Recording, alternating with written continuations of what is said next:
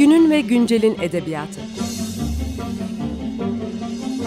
Romanlar, hikayeler ve kahramanlar.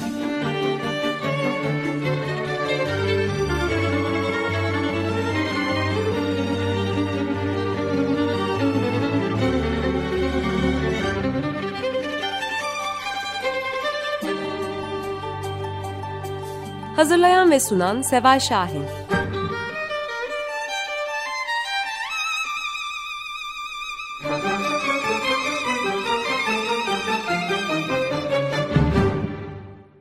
Merhaba, 95.0 Açık Radyo'dasınız. Günün ve Güncel'in edebiyatında ben Seval Şahin. Bugün program konuğumuz Beliz Güç Bilmez. Hoş geldin Beliz. Hoş bulduk Seval. Ee, Beliz'le e, arka arkaya iki hafta yayınlanacak bir e, program serisi yapacağız. Bu programlarda Beliz'in geçtiğimiz günlerde kolektif kitap tarafından yeniden yayınlanan, ilk baskısı 2006'da olan Zaman, Zemin, Zuhur, e, Geçmişin Tiyatral Temsili kitabını e, konuşacağız. E, ben 2006'da okumuştum kitabı ama tabii aradan hatta ilk baskısını bulmaya çalıştım ama bulamadım. Yani ofis ve ev arasında kütüphanede evet, tabii. benden bazı şeyleri bulmak zor oluyor. Ben de tiyatro dersi verdiğim için bu kitaptan çok faydalanmıştım zaman zaman. Hala da faydalanıyorum tekrar oku, okumak benim için bir şölen oldu. Çok Ay ne yani güzel. Şimdi, çok teşekkür ederim. 2006'da o dersi henüz e, vermiyordum tiyatro dersini. Sonra tiyatro dersi veren biri olarak kitabı okumak e, ayrıca bir e, şölen oldu benim için ve buradaki meseleleri tekrar düşündüm. O da çok güzel bir vesile oldu. Şimdi bu kitap e, Batı'da ve bizde hatırlamanın, unutmanın ve geçmişi büsbütün yok saymanın tiyatro sanatında aldığı biçimlerle ilgileniyor diyorsun şeyde. Burada e, ilk önce bir kavramla umarım doğru telaffuz edebileceğim. Biraz şeyden önce çalıştık ama programdan önce anagnorisis kavramıyla. Evet harika e, söyledin. Tabii. Bu kavram ee, şimdi o şölen dediğin şey benim için de şöyle gerçekleşti. Hani biraz tuhaf bir başlangıç olacak ama çok sevindim onu duyduğumu. Çünkü böyle bir fırsat insanın eline çok kolay geçmiyor tabii. Seneler önce yazdığı bir şeyi yeni bilgilerle birleştirip bir daha kurmak, yeni bölümler eklemek, o cümleleri daha sarih kılmak falan gibi muazzam bir avantajla e, karşılaştırdı beni aslında bu kitabın yeniden yayınlanacak olması. O yüzden de orada e, iyi ifade edemediğim, ihtiyaç olan bölümleri görmemişim, bir takım bölümler ekledim bu fırsat sayesinde falan. O yüzden ben de yani şimdi çok mutluyum bu kitapla. Anagnorisis'e gelelim. Şimdi anagnorisis aslında bu kitaptan seçtiğin bir kavram ve benim de kitapta önemsediğim ve e, arkasına da başka fikirler inşa edebildiğim bir kavram. Elbette bilinen bir kavram. Aristoteles'in poetikasından biliyoruz. İlk önce orada öğrendik. E, tragedyanın e, aşamalarından diyeyim hikayenin ilerletilmesi aşamalarından biri. Hikaye ilerlerken ilerlerken bir vay canına duygusu yaratıyor. Ben bunu çeşitli biçimlerde ifade etmeyi öğrendim yolda. Ee, yani sinkaflısından bir uyanma anına kadar vay canına demek durum buymuş diye bir uyanma, tanıma, işte bilgisizlikten bilgiye geçiş diye tarif ediyorlar mesela. Böyle bir an bu.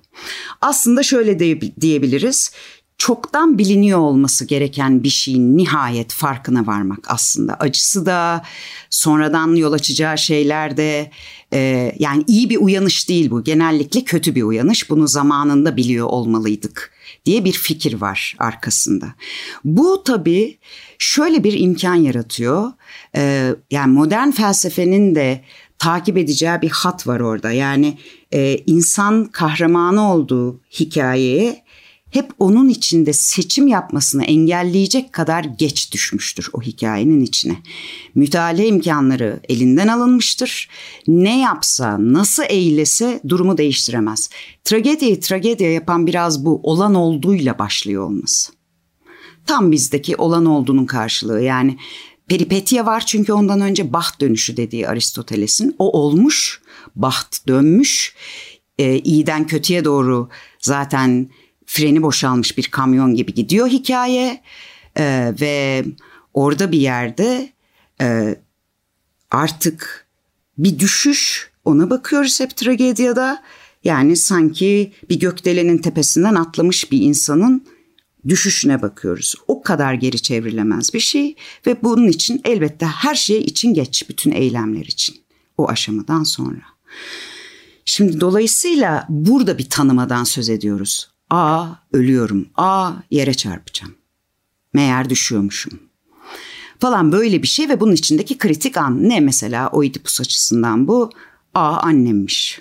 Senelerdir karım zannettiğim kadın. Dört çocuğum var. Aynı zamanda onların e, kardeşiymişim, abisiymişim. Şimdi böyle bir sert tanımadan söz ediyoruz. Bunun yol açacağı patostan söz ediyoruz.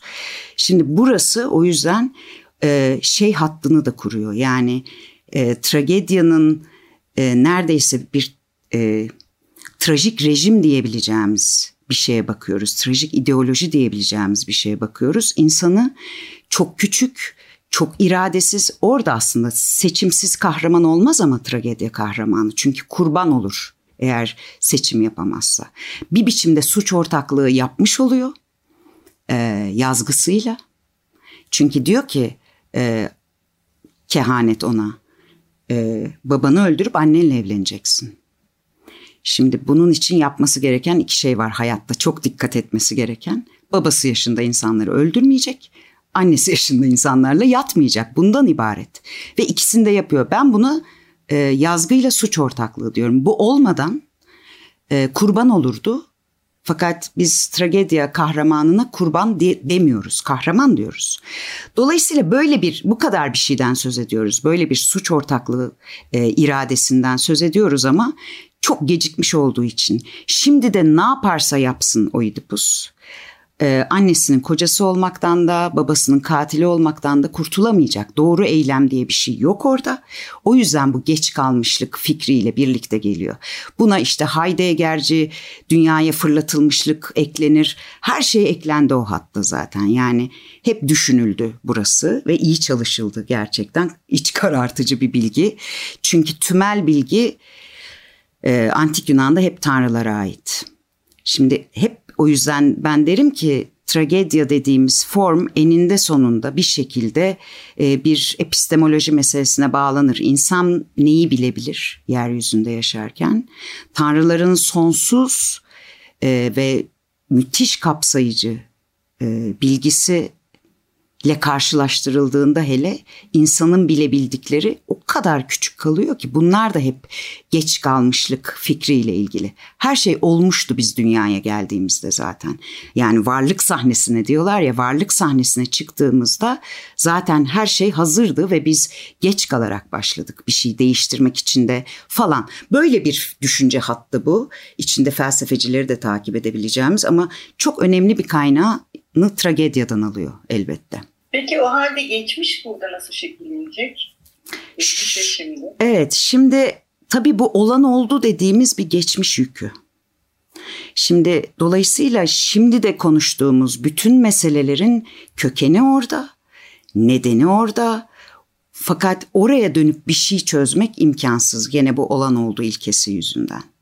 Şimdi bu e, bağlantıyı çok seviyorum. Sen de çok tatlı bir yerden sordun o soruyu bana. Çünkü kafa açıcı bir hat bu. E, beni buradan e, şeye bağlayan, sahne dışı kavramına bağlayan hattayız o yüzden de. Şimdi sahne dışı aslında ben o zaman bu fikri geliştirmeye başladığımda yani terminolojik olarak da buna ilişkin seçimler yapmaya çalışırken işte batıda yazılıp yazılmadığına baktım mesela sahne dışı kavramının ve ben bulamadım öyle bir şey esasen orada. Yani işte off stage diye söz edilen şey benim tam olarak sahne dışı dediğim şey değil. O biraz da yani neredeyse backstage'i de bazen kastederek söyledikleri bir şey. Oradaki kavramsal harita çıkarılmamıştı ve benim için çok heyecan verici bir şeydi o o zaman. İşte New Theatre Quarterly'e yazmıştım ben tekinsiz teatrallik ve sahne dışının tekinsizliği üzerine o zaman. Türkçe'de de e, yazdım bunu. Bu kitaba da e, alırken tekrar derledim, topladım onu. Sonraki fikirlerle yani 10 sene sonranın biriktirdikleriyle bir, yaz, bir yandan da. Şimdi neden sahne dışı ile ilişkili? Çünkü yani bunu şuralardan gelmeye başlıyoruz. Tiyatroyu sadece dramatik edebiyatıyla değil de sahnesiyle düşünmeye başladığımızda zaten e, bu kavramlara ulaşabiliyoruz. Yoksa oyun metninde bunu görmek, düşünmek çok kolay bir şey değil ama sahne makinesi denilen şeyle birlikte düşündüğümüzde orada çok e, kuvvetli fikirler oluşmaya başlıyor.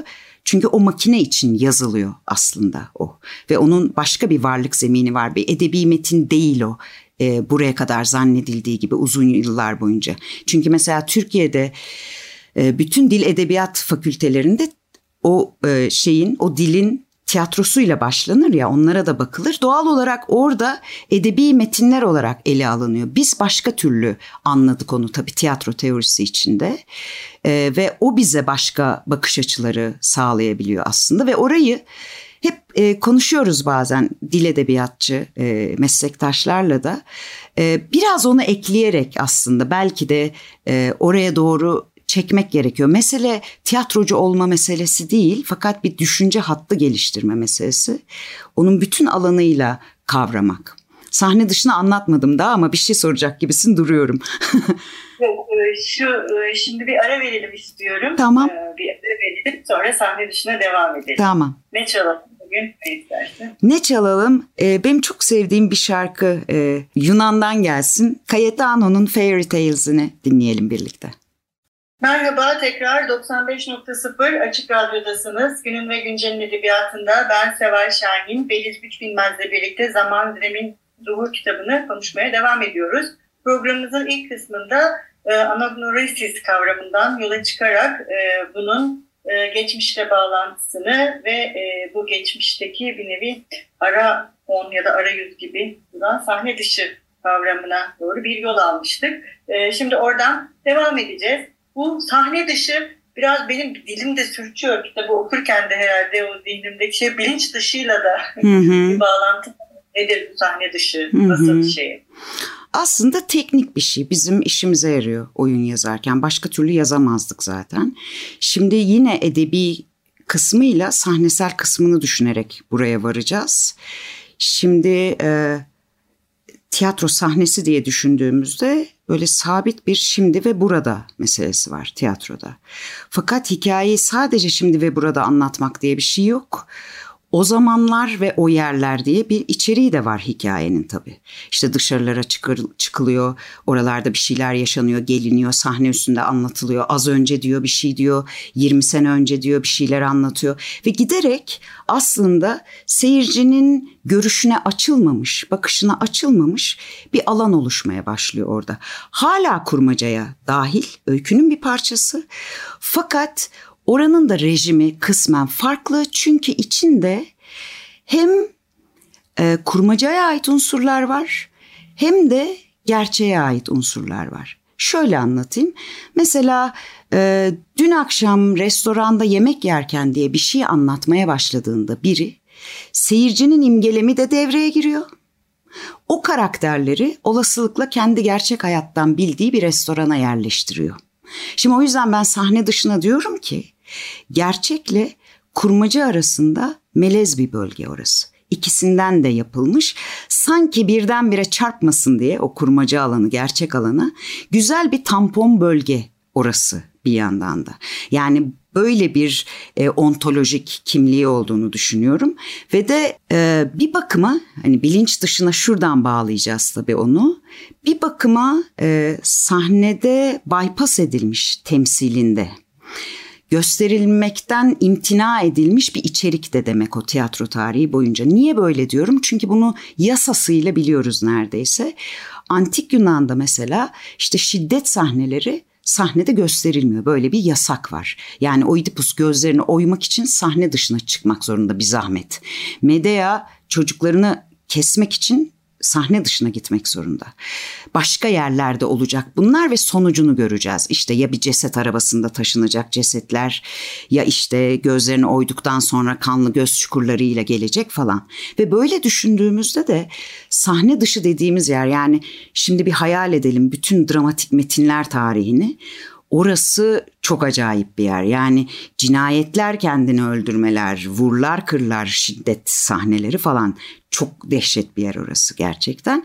E böyle baktığımızda da bilinç dışına benziyor. Oraya bastırılmış olanlar, gömülmüş olanlar, oradan zaman zaman bir şeyin gelmesi. Yani hep öyle derim ben sahneye gelmek aslında o sahne dışı içerikten de soyunup gelmek ama onun da yükünü üstünde taşıyarak gelmek. Ben bunu sadece ama hani bastırılanın geri dönüşü gibi dolayısıyla bir kez daha Freudian bir yerden. Ee, ben ama bunu biraz daha e, Freudian bir bilinç dışı gibi değil de yani aslında pislik kaynayan ve hep bastırılmış e, bir şeylerin olduğu bir yer gibi değil de aynı zamanda bir imkan alanı olarak görmeyi de seviyorum. E, çünkü orası zihnin aynı zamanda bilincin diyelim şimdi oraya atıfla aynı zamanda bilmeden bildiklerimiz ve e, bizi alttan destekleyen şeyler de adı konmamış bilgiler de aslında. O yüzden de oranın sadece işte kurtulunması gereken gösterilmesi iyi olacak, ellere çıkarılamayacak ve o yüzden ya da gündelik hayatımızı zorlaştıracak meseleleri değil sadece aynı zamanda orayı olumlu bir imkan alanı olarak görmekten söz ediyorum. Freud'dan burada ayrılıyoruz diye komik bir cümle kurmuş olayım. Ee, şimdi o sahne dışı dediğimiz yer yani teknik olarak böyle bir yer. O yani bütün zamanlardan hikayenin hakkında konuştuğu, bütün zamanlardan şimdiyi çıkardığımızda aslında geriye kalan yani gelecek de orada aslında. Oyunun gelecek zamanı da oradan gelecek o sahne dışından. Sahne dışı sahne dışı diyorum bir kez daha sahne arkası değil bu sahne dışı. Sahne arkası da teknik bir yer tiyatroda ama o gerçek mekana ait bir yer. Yani Hamlet'i oynayan oyuncu Hamlet sağdan çıkar dendiğinde Hamlet Elsinor'un başka bir odasına gidiyor. Sahne dışı orası. Onu oynayan oyuncu sahne arkasına geçiyor. Makyajını tazeliyor. Bir bardak su içiyor. Böyle bir ayrımın aslında altını çiziyorum. Yani zihinsel, düşünsel, gerçekte var olmayan, seyircinin hiç görmediği, bakışına kapalı, sahneden oraya mesela sesle bağlanabiliyoruz. Değil mi? Orada biri çığlık atıyor mesela görmediğimiz bir işte Beckett'in oyunlarında vardır, Çehov'da vardır. incecik bir keman sesi der mesela sahne dışından. Bunları böyle efekt diye duymayıp oranın mesela Godoy'la dolu olduğunu düşünmek, bütün bir sahne dışı varlığı. Oidipus açısından mesela kitapta da anlattım onu yeni bölümle. Mesela Oidipus açısından bayağı orası hani ben oraya Sphinx sahne dışı diyorum ilk düşünülmüş sahne dışı çünkü e, ve orada kocaman bir varlık alanı var e, aslında ve bunu kitapta e, işte Derrida'nın kora kavramıyla bağlantısını kuruyorum bir tür her şeyin içinden çıktığı e, bir tür saklı mahfaza gibi aslında orası. Yani bütün bir tiyatro fikri, tiyatro tarihi, bütün bunun içinden çıkıyor. O yüzden çok önemsiyorum e, sahne dışı kavramını. Sadece teknik bir terim olmaktan çıkıyor benim için. E, tiyatro düşüncesini e, anlamak açısından önem kazanıyor. Bunu tabii bir kez de şuradan inceltmeye çalışayım. Şimdi tiyatro öyle bir düşünme alanı ki ben hep düşün Cem'in evi diyorum oraya. Oradan başlıyorum düşünmeye. Ve burada da yalnız değilim. Yani e, onun doğal bir e, bunun yani kendini düşüncenin evi olarak sunmak konusunda doğal bir imkanı var. Çünkü pek çok felsefeci de metaforlarını oradan seçip alacak, orayla konuşuyor olacak. Hep bir gözleri düşünce olarak da performatif yanıyla da tiyatronun üstünde. O yüzden yani e, düşünce hattımızın hep önemli bir parçası. O yüzden bu kitap sadece işte tiyatro öğrencileri, tiyatro akademisyenleri için değil, aslında işte içinden bir felsefeyi çekip konuşabileceğimiz bir kitap olarak yazmaya çalıştım. Alanla ilgili, işte e, kültürel e, çalışmalarla ilgili, edebiyatla ilgili herkes için okunaklı olmasına çalışmıştım bu kitabın. Çünkü birlikte konuşmamız gereken e, bir mesele bu. Evet kesinlikle öyle. Mesela batılılaşma meselesi ona ikinci programda gireceğiz. Yerli tiyatro oyunları üzerinden de e, hem çok kafa açıcı bir metin. Ben şeyi çok düşündüm. Bitirirken onu söyleyeyim bir edebiyatçı olarak. E, bu tragedyanın ve e, farkında olmadan bilme halinin 19. yüzyıl romanında özellikle Halis Ziya'da mesela bütün romanlar iki sahneye ayrılmıştır. Bir tarafta hiçbir şey bilmiyorlar, öbür tarafta çok her güzel. biliyorlar. Çok tek güzel. Tek tek, Hmm. tek tek hepsi bilinir hale geliyor. Hmm. Hiçbirini atlamadan. Hmm. Bütün romanlarını iki sahneye bölmüş. Bunu da e, senin kitabını okurken fark ettim. Böyle bir şey olduğunu. E, ayrıca belki başka bir zaman Halis Ziya'yı da o şekilde konuşuruz vaktin olursa. diyerek. Harika olur. Şimdi, iki haftaya e, Beliz Güç Bilmez'de konuşmaya devam edeceğiz. E, Hoşçakalın, görüşmek üzere. Çok teşekkür ederim. Görüşürüz.